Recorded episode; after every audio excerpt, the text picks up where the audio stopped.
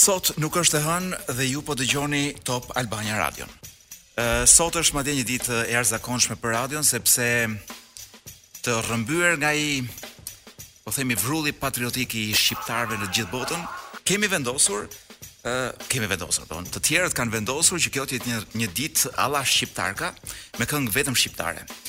Ë dhe kjo është siç thashë pjesë e dalldisë së përgjithshme, ë Po më tregonte DJ Wizi video në internet të çunave të Londrës, të çunave të Bostonit, ku di unë të Australisë, çunave të Kinës jugore, pra kudo ku ka edhe më shumë se tre shqiptarë, janë mbledhur bashkë, kanë ngritur një flamur ku kanë mundësi, kanë bllokuar dhe rrugët me borie, me sirena, me xhamadanë via via. Mirëpo, unë e kuptoj atë ë uh, fjalinë e thënë nga Kim Mehmeti dikur që Shqipëria u vlen më shumë atyre që janë jashtë sesa këtyre që janë brenda. Dhe ka një të vërtetë shumë të madhe te kjo. Por një gjë nuk kuptoj. Domethënë këtë entuziazmin e përgjithshëm për një Shqipëri e cila në të vërtetë është jo për t'i kënduar, po është për t'i qarë hallin. Domethënë është kjo fytyra e, e pavarësi e pavarësisë që kemi ne, domethënë është është dramatike do thoja unë, nuk është fare e gëzuar, sepse 109 vjet pavarësi dhe jemi pothuajse në pikën 0. Do me përjashtim të televizorëve dhe elektrifikimit, gjithçka mua personalisht më duket më keq. Dhe më e keqja është që mbas 109 vjetëve, Shqipëria nuk është e jona. Shqipëria i përket një grushti njerëzish. Do ato malet, lumenjtë, lisat e mrekullueshëm nuk janë ata që ka thënë Naimi. Pas 100 vitesh, madje as lisa nuk ka. Ka vetëm kulla betoni. Para 100 vitesh, një burrë ishte i barabartë me një burrë tjetër. Kurse sot, Edhe një fëmijë mund të jetë i barabartë, i pabarabartë me 100 mijë burra. Rëndësi ka se fëmija i kujt është ky. Ë, edhe gjakmarrja, po ta krahasosh me 109 mijë vjet përpara, sot është më e ligë, është më paburrërore. Është praktikisht është kthyer në një mjet dhune e shantazhi, kur ka pas qenë një peshore kanonore drejtësie. Pra mas 109 vjetësh pavarësi feja e shqiptarit, siç edhe mund ta shihni përditë, nuk është shqiptaria.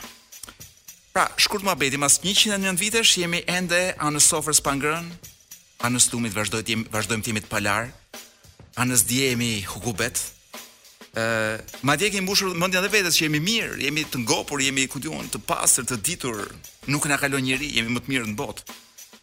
Ë, praktikisht mua kjo pavarësi më duket që ka një fytyrë paksa të pistë dhe deri diku qesharake. Sepse Po ama e kuptoj gjithë këtë gjënë e gjithë atyre që që këndojnë dhe gëzojnë për pavarësinë, për shumicën nga ne këtu brenda, këto festat e nëntorit janë thjesht një mënyrë për të marrë një ditë pushimi më tepër. Ë por e kuptoj që ata jashtë e kanë një çik të rëndësishme që të marrin një dozë të marrin një dozë patriotizmi. Domethënë duhet, është e domosdoshme kjo doza e patriotizmit.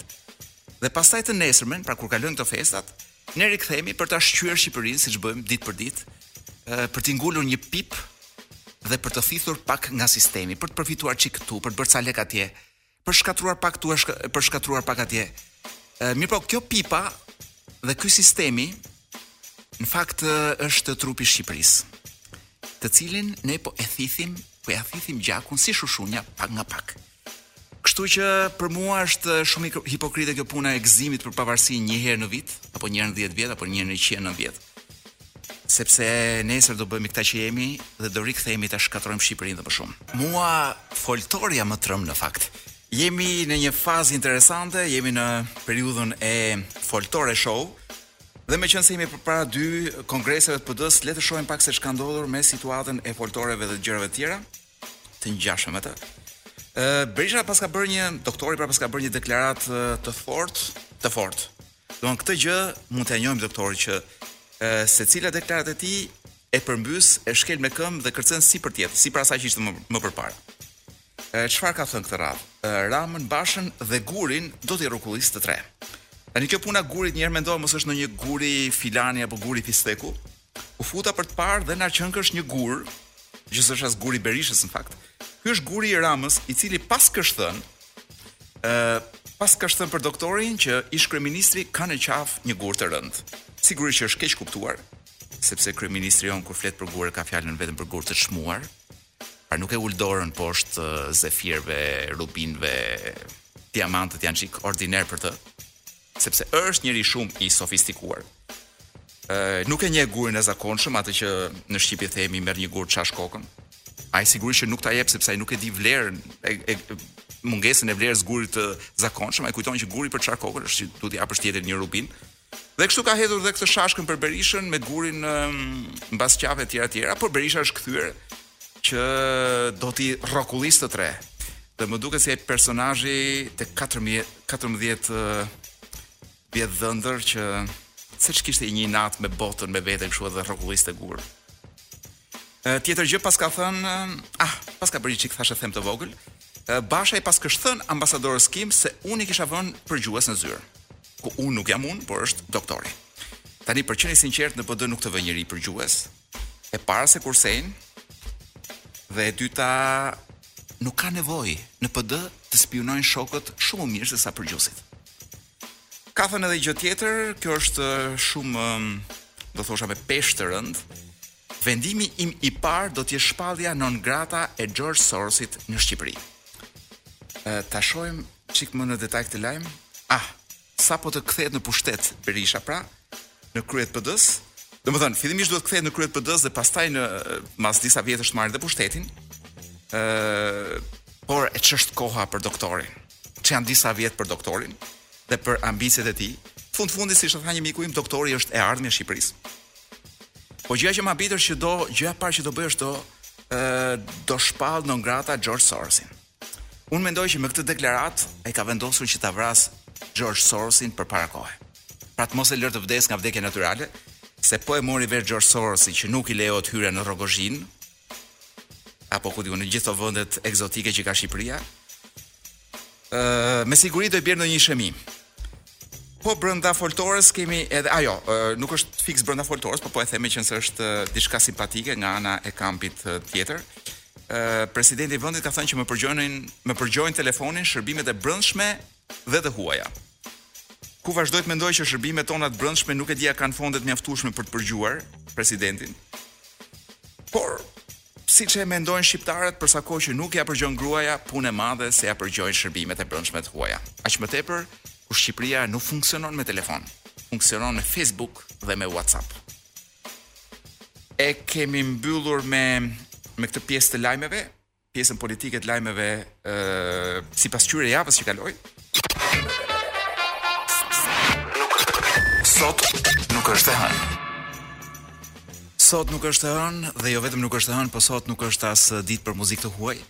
E gjithë radio është në regjim ushtarak muzike shqiptare. Ë dhe meqenëse kemi përkuar dhe me ditën e çlirimit, që shumë vetë nuk e dinë se çfarë është, Është dita e çlirimit, që ne mendojmë se jemi të çliruar nga Europa. Kur në fakt neve jemi duke ndjekur Europën nga mrapa dhe i lutemi që të na pushtojë edhe një herë. Dhe është Europa që na bën naze tani.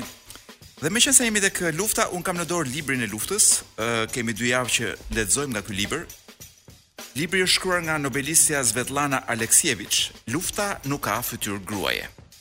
Është një nga librat më të mirë të shkruar mbi luftën, të shkruar nga një grua dhe shkruar për gratë që un kam lexuar ndonjëherë. Ë, uh, sepse kjo lufta e dytë botërore është ndoshta një nga ngjarjet më të rënda. Uh, un besoj që është më e rënda e shekullit që kaloi, do duhet ca kohë që të mund t'ia kalojmë uh, asaj lufte për, për, për mizoritë edhe për uh, krimet uh, e përbindshme edhe për gjithë gjërat e tjera. Dhe për fat ka njerëz, ka gazetarë si Svetlana Aleksieviç që shkojnë lart e poshtë dhe i mbledhin këto dëshmi. Libri i saj, fytyra, lufta nuk ka fytyrë gruaje, është një libër i ndërtuar me dëshmitë e grave ushtare në ushtrinë e kuqe gjatë luftës së dytë botërore. Botimi që un kam në dorë është i shtëpisë botuese Gjon Buzuku, ë Është një shtëpi që me sa di unë funksionon vetëm në Kosovë dhe është një botim i vitit 2008. Ky që kam unë në duar. Kudo që ta shfletosh librin do gjesh dëshmi nga gratë ushtare. Ja të hap një një faqe këtu, faqja 283. Atëherë, kjo dëshmia është shkruar nga Ekaterina Nikitiçna Sanikova, paska qenë rreshtere dhe qitëse tjetra. Çfarë kujtime shruaj? Më çuan në repartin tim në vijë të parë. Komandanti më priti me këto fjalë. Hiqe beretën. U shma, uh, u shtanga, megjithatë iu binda. Në zyrën e rekrutimit na qethën si djemtë. Por gjatë kohës që mbyllet por gjatë kohës që qëndruam mbyllur në fushat e stërvitjes, pastaj edhe para vajtjes në front, flokët e mi u rritën paksa. Filluan të ballukoheshin, sepse i kisha dredhur, sepse i kisha dredhur në atë kohë. Dredhur dëndur si ndonjë dash. Sot nuk do të përfytyrohej dot. Ja pra, vetëvështrohem e vetëvështrohem. Prej dy vjetësh nuk kam parë asnjë femër tjetër vërdallë me sy. Pas lufte banova në një pallat të përbashkët. Të gjitha fqinjët e mia kishin burra dhe kalonin kohën duke më rënë në qafë, më shanin. Ha ha ha ha. Tregona pak si që pika pika. O, o Wiz, ç'është kjo që ja pika pika? A është ajo gjë që s'e themi dot në radio që është Q I H E S H E? Me burrat. Pra këta i thonin tregoja pak, tregona pra si që pika pika atje me burrat. Herë më derdhin uthull në tenxheren me patate, herë shtonin aty një lugë të madhe me kripë dhe zgërdhishin tepër të kënaqura. Komandanti im pas lufte u çmobilizua, erdhi të më takonte, u martuam. Po pas një viti më braktisi për një femër tjetër, për drejtoreshën e mensës së uzinës tonë. Ajo vjen erë të mirë parfumi. ndërsa ti mbart një aromë çizmesh dhe pecesh. I thotë ky. Pra një burrë që kur të lë, të jep edhe një argument logjik se pse po largohet nga ty. Imagjino kjo aroma e çizmeve dhe peceve kësaj nuk i largohej, domethënë kjo që është praktikisht aroma që një grua ka në luftë dhe kësaj nuk i largohej as mbas lufte. Dhe vazhdon rrëfimi i kësaj qitëses. Në luftë pata njohur një burrë. Pas lufte gjeta një tjetër. Në luftë burrat janë të ndryshëm. Pa gra, dhe përballë vdekjes. Të shfletojmë dhe ndonjë copëz tjetër rrëfimi. Mm. Olga Vasiljevna uh, thotë për një nga këto betejat më të rëndësishme që më duket se është e Stalingradit, po. Thotë, unë mjekoja të plagosur dhe një gjerman dergjej aty pranë. Mendova se kishte vdekur dhe nuk do të kish nuk do t'i kisha kushtuar aspak vëmendje, por ishte thjesht i plagosur dhe donte të më vriste. E nuhata. Si atëherë kur dikush të jep një goditje të butë, dhe u ktheva drejt tij. Me një shkelm ia dola mbanë t'i kërcente automatiku nga duart. Nuk e vrava, por as u kujdesa për të. U largova. Kishte një plagë në bark. Ë Po për të njëjtën betejë vazhdon një tjetër ushtare, Zinaida Vasiljevna, dhe kjo rrëfen. Po sillja një të plagosur kur pashë befas dy gjermanë që po dilnin nga një makinë e vogël e blinduar. Ajo ishte shkatërruar, por me sa duket, kishin pasur kohë të kërcenin në tokë. Kjo ishte punë sekonde, në qoftë se nuk do të kisha qëlluar me breshëri, do të më kishin vrarë bashkë me të plagosurin. Gjithçka u zhvillua aq papritur. Pas kësaj iu afrova, po dergjeshin syhapur. Më kujtohen ende ata sy. Njëri ishte djalë shumë i bukur. Mëkat, edhe pse ishte fashist. Po kjo pak rëndësi ka. Kjo ndjesi nuk më ka braktisur për një kohë të gjatë sepse nuk kam dashur të vras, më kuptoni? Thuhet se kur ke të bësh me, me të keqen, je i mbushur me urrejtje. Pse kanë ardhur të na pushtojnë. Por provosh të vrasësh është e tmerrshme. Mizore. Të lexoj edhe ndonjë copë sa kohë kemi DJ Wiz? Apo sa dua unë? Mirë. DJ Wiz me me, me histori lufte është domethënë vë tapat në vesh dhe nuk do t'ia di sepse lufta e DJ Wizit si lufta e gjithë ne të tjerëve është ajo që ndodh nëpër pabe dhe nëpër klube. Ë, domethënë, a do e pushtoj unë atë femrën atje apo do më pushkatoj ajo tjetra mua? Ë, çfarë kemi këtu? Mm. Jam gjithmonë duke shfletuar librin, ëh. Ë, po lexoj tani diçka nga autorja në faqen 223. Kam regjistruar tashmë qindra rrëfime. Në raftet e mia janë vendosur qindra kaseta dhe mijëra faqe të shtypura. I hap mirë veshët e kridhem në lexim. Ka diçka naive dhe ende tepër të re në intonacionin e rrëfimtareve të mia. Diçka që padyshim kthehet në kohën e tyre. Në periudhën kur bashkëekzistonin gulagu, fitorja dhe besimi i tyre i çiltër. Vetëm zemra të pastra mund t'i bashkonin të gjitha këto. Zemra pa përvojë dhe besuese.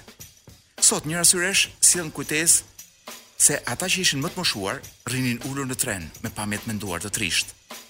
Më kujtohet se një natë, atëherë kur gjithë flinin, një major filloi të bisedonte me mua për Stalinin. Kishte pirë ca dhe u bë guximtar. Më tregoi se i ati prej dhjetë vitesh ndodhej në një kamp, pa pasur të drejtë lidhje me njerëzit. Nuk e dinte nëse ishte gjallë apo jo. I ati kishte qenë me menshevik, pra armiku i bolshevikëve. Ky oficer tha atëherë fjalë të tmerrshme. Dua me gjithë shpirt ta mbroj atdheun tim, por jo Stalinin. të tradhtar të revolucionit. Dhe pastaj vazhdon autorja, megjithatë dëshmitaret e mia nuk e cekin përveçse rrallë këtë temë dhe gjithmonë me maturi, pra atë pjesën e politikës. Megjithëse vijnë nga kjo epokë staliniste dhe ndjehen të lidhura me të nga e njëjta frikë dhe nga e njëjta hipnozë. Ka edhe gra që nuk ka rëndësi në çfarë rrethane, më të madhërishmen apo më të tmerrshmen, janë në gjendje ta përjetojnë historinë e vet intime. Jeta e tyre prej femre, për një rrugë përmes, s'ka rëndësi çfarë pengese, por është ajo që ka pesën peshën kryesore. Ndoshta kjo është arsyeja që këto gra i kanë mbijetuar luftës, pa e humbur aty shpirtin, duke ruajtur unin e tyre në thellësinë më të madhe të vetvetes. Është e jashtëzakonshme Svetlana Aleksevich, çmimi Nobel i 2015-s, lufta nuk ka fytyrë gruaje. Atëherë, për ta, si i thonë, shplarë gjithë këtë histori lufte, do kthehemi te këto gocat tona, të ditëve tona, që jo vetëm s'dinë të bëjnë qitje, por të vrasin vetëm me llafe dhe me thashetheme. Malet si zogjët e vegjël, drejt jugut të nxehtë. Këta ishin Minatori, me Të kujtoj dhe nuk kuptoj një nga këngët më të ndjera të tyre. E se e, këtë këngë e vumë qëllimisht tani sepse ka lidhje vetë kënga me një fëmijë që ikën në moshë shumë të re nga kjo jetë. Dhe një gjë e tillë ka ndodhur pak a shumë edhe në jo pak a shumë ka ndodhur tamam ë në një vend të Shqipërisë që s'ka rëndësi shumë vendi. Por gjëja që ka rëndësi është pse ka ndodhur kjo, pse ka ndodhur kjo tragjedi. Arsyeja duket të ketë qenë TikTok-u. Dhe prandaj mendoj që është mirë të flasim pak edhe pse është ngjarje e rëndë. Ë pas ka qenë një lojë në TikTok, të paktën ky është një nga dyshimet kryesore të policisë shqiptare, që një fëmijë moshës 13 vjeç nuk jeton më. Kjo lojë që është sfida e blackoutit, pra sfida e të rënit të fikët, është Është absurde në fakt që ka sfida të tilla, po ja që ka. Dhe e gjithë sfida pak a shumë është kjo që ti të krijosh mënyra për të të rënë të fikët dhe këtë gjënë ta xhirosh edhe ta transmetosh në kohë reale në TikTok. Dhe gjitha kjo për t'u bërë i famshëm. Ëh, Po lexoj që ka shumë raste të tjera në botë ku janë humbur jetë fëmijësh nga kjo farë loje. nuk është hera parë që ndodh një fenomen i tillë, lojra të ngjashme, po themi, ka ndodhur dhe më përpara, më kujtohet që para disa vitesh kishte një diçka të tillë me të rënët me të rënë me të fikti në YouTube dhe për një periudhë kohë pati mijëra video të të ngritura në YouTube me njerëz që tregonin se si u binte të fikët, pra se si e bënin veten që t'u binte të fikët, derisa YouTube-i mos gaboj mori masa dhe i bllokoi të gjitha ato video. Dhe ja ku vjen tashmë si një sfidë për kalamaj. Dhe këtu problemi nuk është aq shumë i platformës, edhe pse platforma duhet të kenë ca mjete për të për ta rregulluar ë këtë gjë, por një problem është i madh është dhe me prindërit që një fëmijë 13 vjeç i japin dhe celular, po edhe lirinë për të shkarkuar çdo gjë dhe për të luajtur çfarëdo gjë pa monitoruar në celular. Domethënë dikur ishim shqetësuar që fëmijët mësonin cigaren, Tani e mësojnë TikTokun, madje me ndihmën tonë. Dhe këtu hyn ajo fraza që ishim më mirë kur ishim më keq. Domethënë, tani ku ta gjejë që fëmija të fillojë vetëm cigaren. Dhe të mos fillojë uh, TikTokrat me këto lojërat e çuditshme dhe ku di unë drogat sepse edhe po i mbijetoi kësaj faze të jetës, shkon pastaj të shkon në përputhen, do pra është një fëmijë jeta e të cilit nuk ka për të qenë shumë e mirë. me sa gjykoj unë. Kështu që e gjitha kjo për prindërit që kanë dhe fëmijë të vegjël me celular në dorë. Ë kujdes nga kjo loja blackout. Pra nga kjo sfida e TikTokut blackout.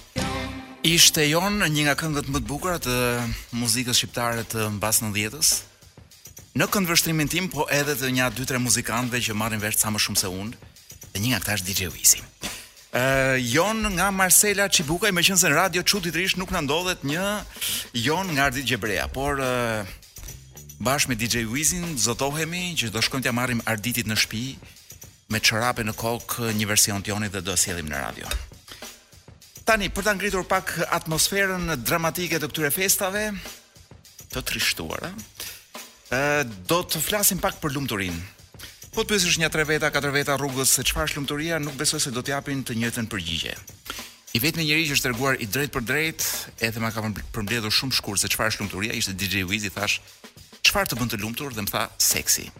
Dhe besoj me këtë e përmble, e përmblodhi gjithë jetën e vet, atë që ka ikur, këtë që është, edhe atë që do t'i vijë. Por ka njerëz të tjerë që arrijnë që nuk arrijnë mirë ta kuptojnë se çfarë është lumturia dhe ndoshta vetëm mund të përthithin grimca lumturie gjatë jetës. Por pyetja prapë ngelet, çfarë do të thotë të jesh i lumtur dhe si mund të jesh i lumtur? Dhe gjeni kush na ka dhënë një përgjigje për këtë? Njeriu që i ka dhënë përgjigje shumë gjërave të tjera, po ju nuk e dini që i ka dhënë përgjigje edhe kësaj dhe ky është Albert Einstein. i cili në vitin pra fiks para 100 vitesh në 1922-shin ka dhënë një këshillë se si don se si është se si mund të jetë njeriu i lumtur dhe çfarë duhet bërë për të qenë i lumtur. Ë uh, gjëja që pati ndodhur në atë kohë ishte kjo, Einstein ishte relativisht uh, i famshëm pothuajse njihej në gjithë botën pavarësisht se mjetet e komunikimit në atë kohë nuk ishin ato që janë sot e kalonte kohën duke bredhur, duke dhënë leksione, duke folur për teorinë e relativitetit që askush nuk e kuptonte, po të gjithë shkonin me qejfin e madh që po dëgjojnë diçka të re dhe të padëgjuar dhe mm, hynin çyryk dhe dilnin çyryk, ë sepse ishin shumë pak në atë kohë që e kuptonin këtë lloj teorie. Dhe në një nga këto udhëtime thuhet që ka qenë një hotel në Tokyo, ë i afrohet një nga këta çunat e vegjël që ndihmonin në atë kohë për të ngritur valixhet, sot janë çuna pak më të mëdhenj dhe më të fuqishëm. Në atë kohë ishin kalamajt e vegjël që përdoreshin për këtë punë. I afrohet dhe i kërkon një, ku di unë, një dy lekësh japonez. Pra i kërkon një lloj bakshishi për punën që kishte bërë. Einsteini nuk i jep bakshish. Ë ndoshta i kishte xhepat pa pantallona. Ë Pra nuk i nuk kishte ku t'i fuste pantallonat nëpër xhepa. Ë nuk i gjendeshin monedha me fjalë të tjera. Ë këtë ngatërresën pantallona dhe xhepa e bëra vetë. Dhe vendosi që t'i jepte një mendim, ia dha me të shkruar. Ia shkruajti fjalinë në copë letër, ai djali me mend në kokë e ruajti. Dhe ajo copë letër u shit vetëm para pak vitesh në ankand për diçka si një 2 milion mos gaboj 2 milion dollarë ose diçka e përafërt sepse ishte diçka e shkruar nga Einsteini dhe një mendim e i thellë i tij mbi lumturinë. Janë dy rreshta, po un po i bie shumë gjatë para se të mbërrij te ato dy rreshta për të mbushur kohën që duhet. Ë pra ia dha atë teorinë e vet që dhe ka hyrë tashmë dihet, njihet me termin e, teoria e lumturisë e Einsteinit. Dhe nuk ka dy rreshta, ka vetëm një rresht madje. Dhe i thotë, Albert, Albert Einsteini në këtë copë letër atij djali të vogël japonez i shkruan. Një jetë e qetë dhe modeste të sjell më shumë lumturi sesa ndjekja e suksesit e cila të shkakton një vrull të pandalshëm. Pra e cila shkakton, e cila kryhet me një vrull të pa të pandalshëm, se po e përkthej menjëherë nga anglishtja. Këto ishin ato 7-8 fjalë, 10 fjalë që i tha Einsteini djalit e shkruajti dhe po ta po ta përkthesh në kohën e sotme, mua më duket sikur është ndoshta e vetmja mënyrë për të qenë i lumtur. I qetë dhe modest, pa asnjë loj stresi. Të bësh një punë që nuk të lodh, dhe të jesh i rrethuar nga njerëz dhe nga një ambient i cili është i qetë dhe nuk të streson. Dhe vijmë pastaj te pjesa tjetër që kjo jeta jonë me këtë ritmin e tmerrshëm, që jemi vazhdimisht duke ndjekur gjëra, duam të arrijmë suksesin, pasurinë, famën, kam përpara meje, kam një ekran televiziv, është pa pa zë, po janë ca çuna të rinj, gjithë në kërkim të famës dhe të parave, edhe goca të reja. Dhe Ariani me flokë të lyer aty. Pra është kam një përputhje në ekran. Ë uh, janë një tufë me njerëz që janë në kërkim të famës uh, edhe të edhe të, të famës edhe të pasurisë, po unë jam i sigurt që një pjesë e madhe e tyre nuk janë të lumtur. dhe shumica e tyre janë edhe për psikolog madje. Kështu pra një jetë e qetë dhe modeste thotë Einsteini. Është gjëja që të sjell më shumë lumturi se çdo gjë tjetër. Mendojeni dhe e diskutojmë prapë po deshët ju javën që vjen. Ky ishte Gen Salihu, e dëgjuat në Top Albania Radio, jemi në pjesën kur i rikthehemi ngjarjeve të javës kaluar për të bërë një pasqyrë të fundit. ë Ngjarjet e javës kaluar janë nga t'i kapësh dhe nga t'i lësh. ë Por një nga ngjarjet që është globale në fakt dhe që përkon pak dhe me atmosferën në Shqipëri është dhe kjo puna pra ka dalë një, një si biçim skandali, ë nuk e di a mund t'i vihet emri tamam skandal, ku njerëzit kërkojnë të sëmuren me Covid.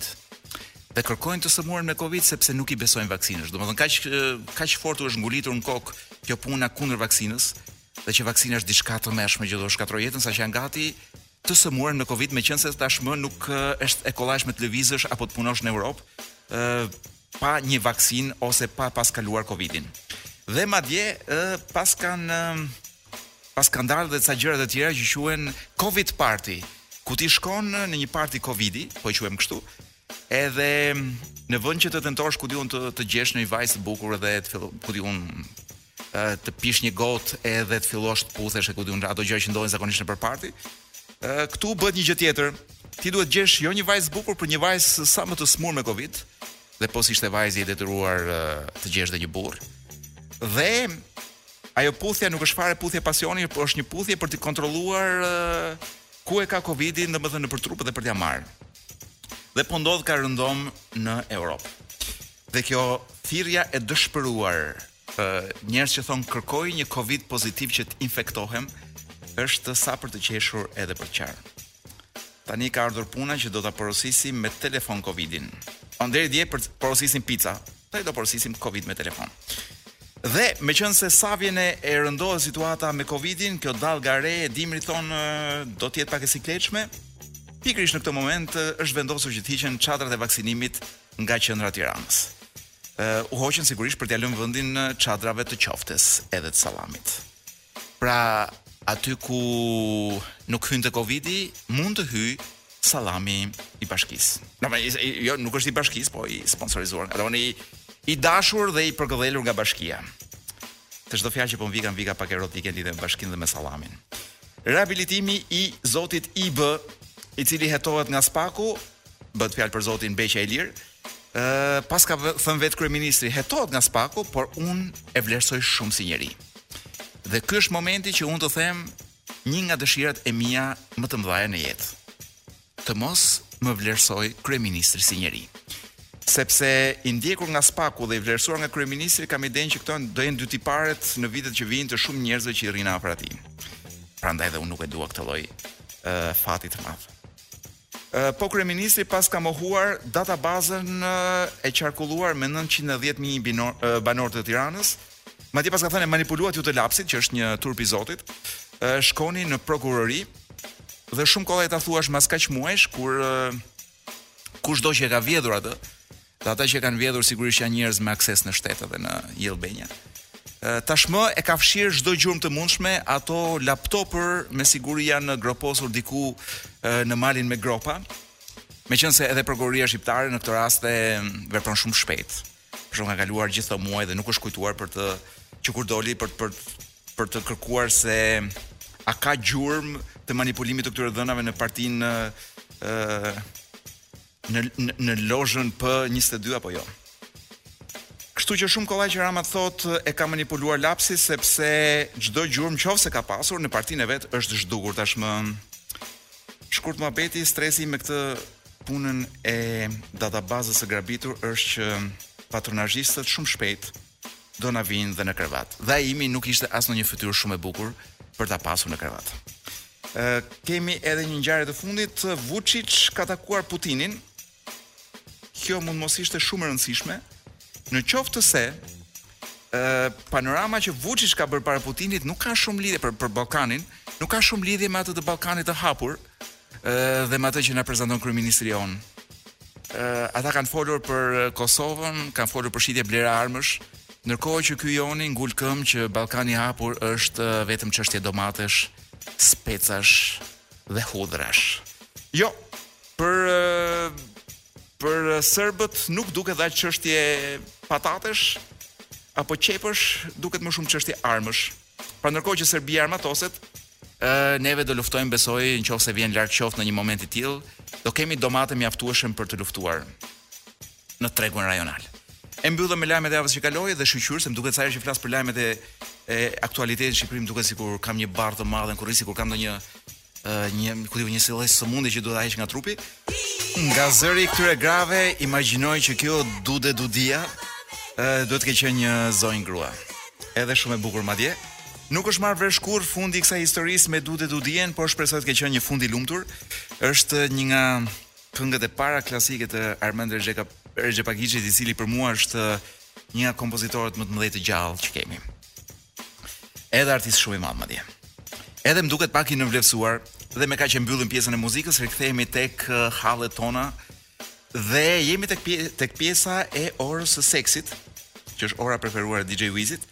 Ë uh, do t'ju flas uh, për një grup ë seksual, por nuk është tamam seksual, por që është shumë aktiv, por që nuk është aktiv. Në fakt është shumë aktiv në në rrjetet sociale, por jo jashtë tyre. Dhe këta njerëz e quajnë veten incel. ë incel si mund ta përkthejmë në shqip? Janë pak a shumë njerëz të cilët janë beqarë, por në mënyrë të përdhunë. Nuk e kanë zgjedhur vetë të jenë beqarë, nuk e kanë zgjedhur vetë të mos bëjnë seks, por janë të detyruar të rrinë beqarë dhe të mos bëjnë seks. Dhe të gjithë këta kanë krijuar një komunitet jo të vogël online. Ëm dhe janë, si thashë, pra gjithë ata që janë e konsiderojnë veten të paaftë për të tërhequr gra ose edhe burra nga ana seksuale. Dhe përveç dhe kjo i ka bërë që të jenë shumë të acaruar me seksin që ata preferojnë, qofshin burra apo gra. Dhe sidomos e kanë inatin me ata si DJ Wizi që janë seksualisht aktivë. Ose kështu mendojmë ne të tjerët të paktën. Uh, u futa për shumë, me shumë kuriozitet për të parë se ç'ndodh në në rrjetet sociale me këta njerëz dhe arrita të kuptoj një dramë të madhe që ne nuk e vëmë re sepse në jetën tonë të përditshme jemi shumë të ndërgjegjshëm për vuajtjet, po themi të grave dhe vajzave. Jemi shumë të ndërgjegjshëm që ka një dhunë të vazhdueshme ndaj tyre, që fillon nga njëri në familje, shkon jashtë familjes. ë e kemi shumë të qartë edhe tashmë edhe sikletin që ndjejnë ato kur ecin në rrugë dhe fishkëllehen dhe dikush i thith atje, dikush u lëshon një llaf, dikush madje në autobus tenton edhe t'i prekë, që më duket një gjë pak e rëndë ose shumë e rëndë. Pra, ne jemi të ndërgjegjshëm për këtë lloj fenomeni, sepse Lëvizjet feministe na kanë bërë shumë të qartë këtë gjën. Ama kjo lëvizja, kjo lëvizja, kjo gjendja e të qenit incel, pra një beqar ë përdhuni për ta kthyer shqip, është diçka me cilën ne nuk jemi shumë në kontakt. Ajo ekziston rrotull nesh, por ne nuk na duket shumë si dramë. Në fakt, edhe pse ne nuk e vëmë re, të jesh në moshë aktive seksuale dhe të mos jesh në gjendje të bësh seks. Është në fakt një dramë shumë e madhe dhe jo vetëm fizike, sepse je detyruar të gjesh zgjidhje alternative, nga të cilat asnjëra prej tyre nuk është zgjidhja, do nuk është zgjidhje e problemit, por është një dramë e madhe psikologjike në fakt, sepse të gjithë këta burra apo gra, të cilët nuk arrijnë dot të gjejnë një partner për të kryer marrëdhënie seksuale dhe për të pasur marrëdhënie intime, Në të vërtetë vuajnë ndjesinë e qenit të padukshëm, e qenit pa vlerë, e qenit komplet parëndësishëm. Pra njerëz të cilët nuk ia vlen që të jetojnë dhe që të jenë në kontakt me njerëzit e tjerë. Kur, siç e mendoj unë, dhe unë mendoj që kjo është një nga të drejtat thelbësore të njeriut, ë njeriu ka të drejtën e vet të jetë një qenie seksuale në shpërthim të plotë. Pra që të ketë shpërthim të seksualitetit vet dhe konsumim të, të seksualitetit vet. Sepse seksi është diçka që ne e kemi të nevojshme. Pra dhe burrat dhe gratë, gratë e kanë shumë nevojshme. Sepse biologjikisht e kemi të nevojshme që të mund të shumohemi, por edhe trupat tanë janë ndërtuar në mënyrë të tillë që të kërkojnë seks vazhdimisht. Ë dhe këta njerëz incelët nuk është se nuk e duan seksin. As nuk e injorojnë, pra nuk bëjnë sikur seksi është diçka që nuk u duhet, nuk hyn në punë. Oh, kush merret me atë? Jo. Këtyre u mohohet seksi. Dhe këta janë shumica burra sepse më duhet të them, pavarësisht pikëpamjeve të mia feministe, që një grua nuk besoj se ka shumë problem për të pasur seks. Pra në qoftë se një grua vendos të ketë një të ketë seks ë një ditë të caktuar, do ketë patjetër kandidat. Dhe më lejoni këtu të them edhe histori personale të DJ Wizit, i cili por kur, kur po kalonte rrugës pranë Lanës, pa një nga këto zonjat e pa shtëpi, të varfra, ndoshta jo shumë mirë nga nga trutë, pra një nga këto të pastrehat, që duket sikur nuk është dhe mirë as nga shëndeti mendor, po dhe nga gjëra të tjera, pra e braktisur komplet në një gjendje higjienike të tmerrshme, e cila ishte shtatzënë, ka ca vjet kjo punë. Pra, edhe ajo kishte gjetur dikë me cilin të mund të çiftohej. Pra kishte gjetur dhe ajo një burrë i cili kishte pasur kuriozitet seksual dhe për atë. Kjo nuk vlen për gjithë burrat e tjerë. Kështu që në këtë pikëpamje meshkujt janë më të diskriminuar në këtë pikë. Ëh, Sepse kanë të vështirë të gjejnë dikë që do flinte me ta pavarësisht se si janë ata. Dhe ky lloj kjo lloj vuajtje është një vuajtje që siç thashë kalon pa u vënë re. Ne nuk e vëmë re ë dhe pretendojmë sikur nuk ekziston.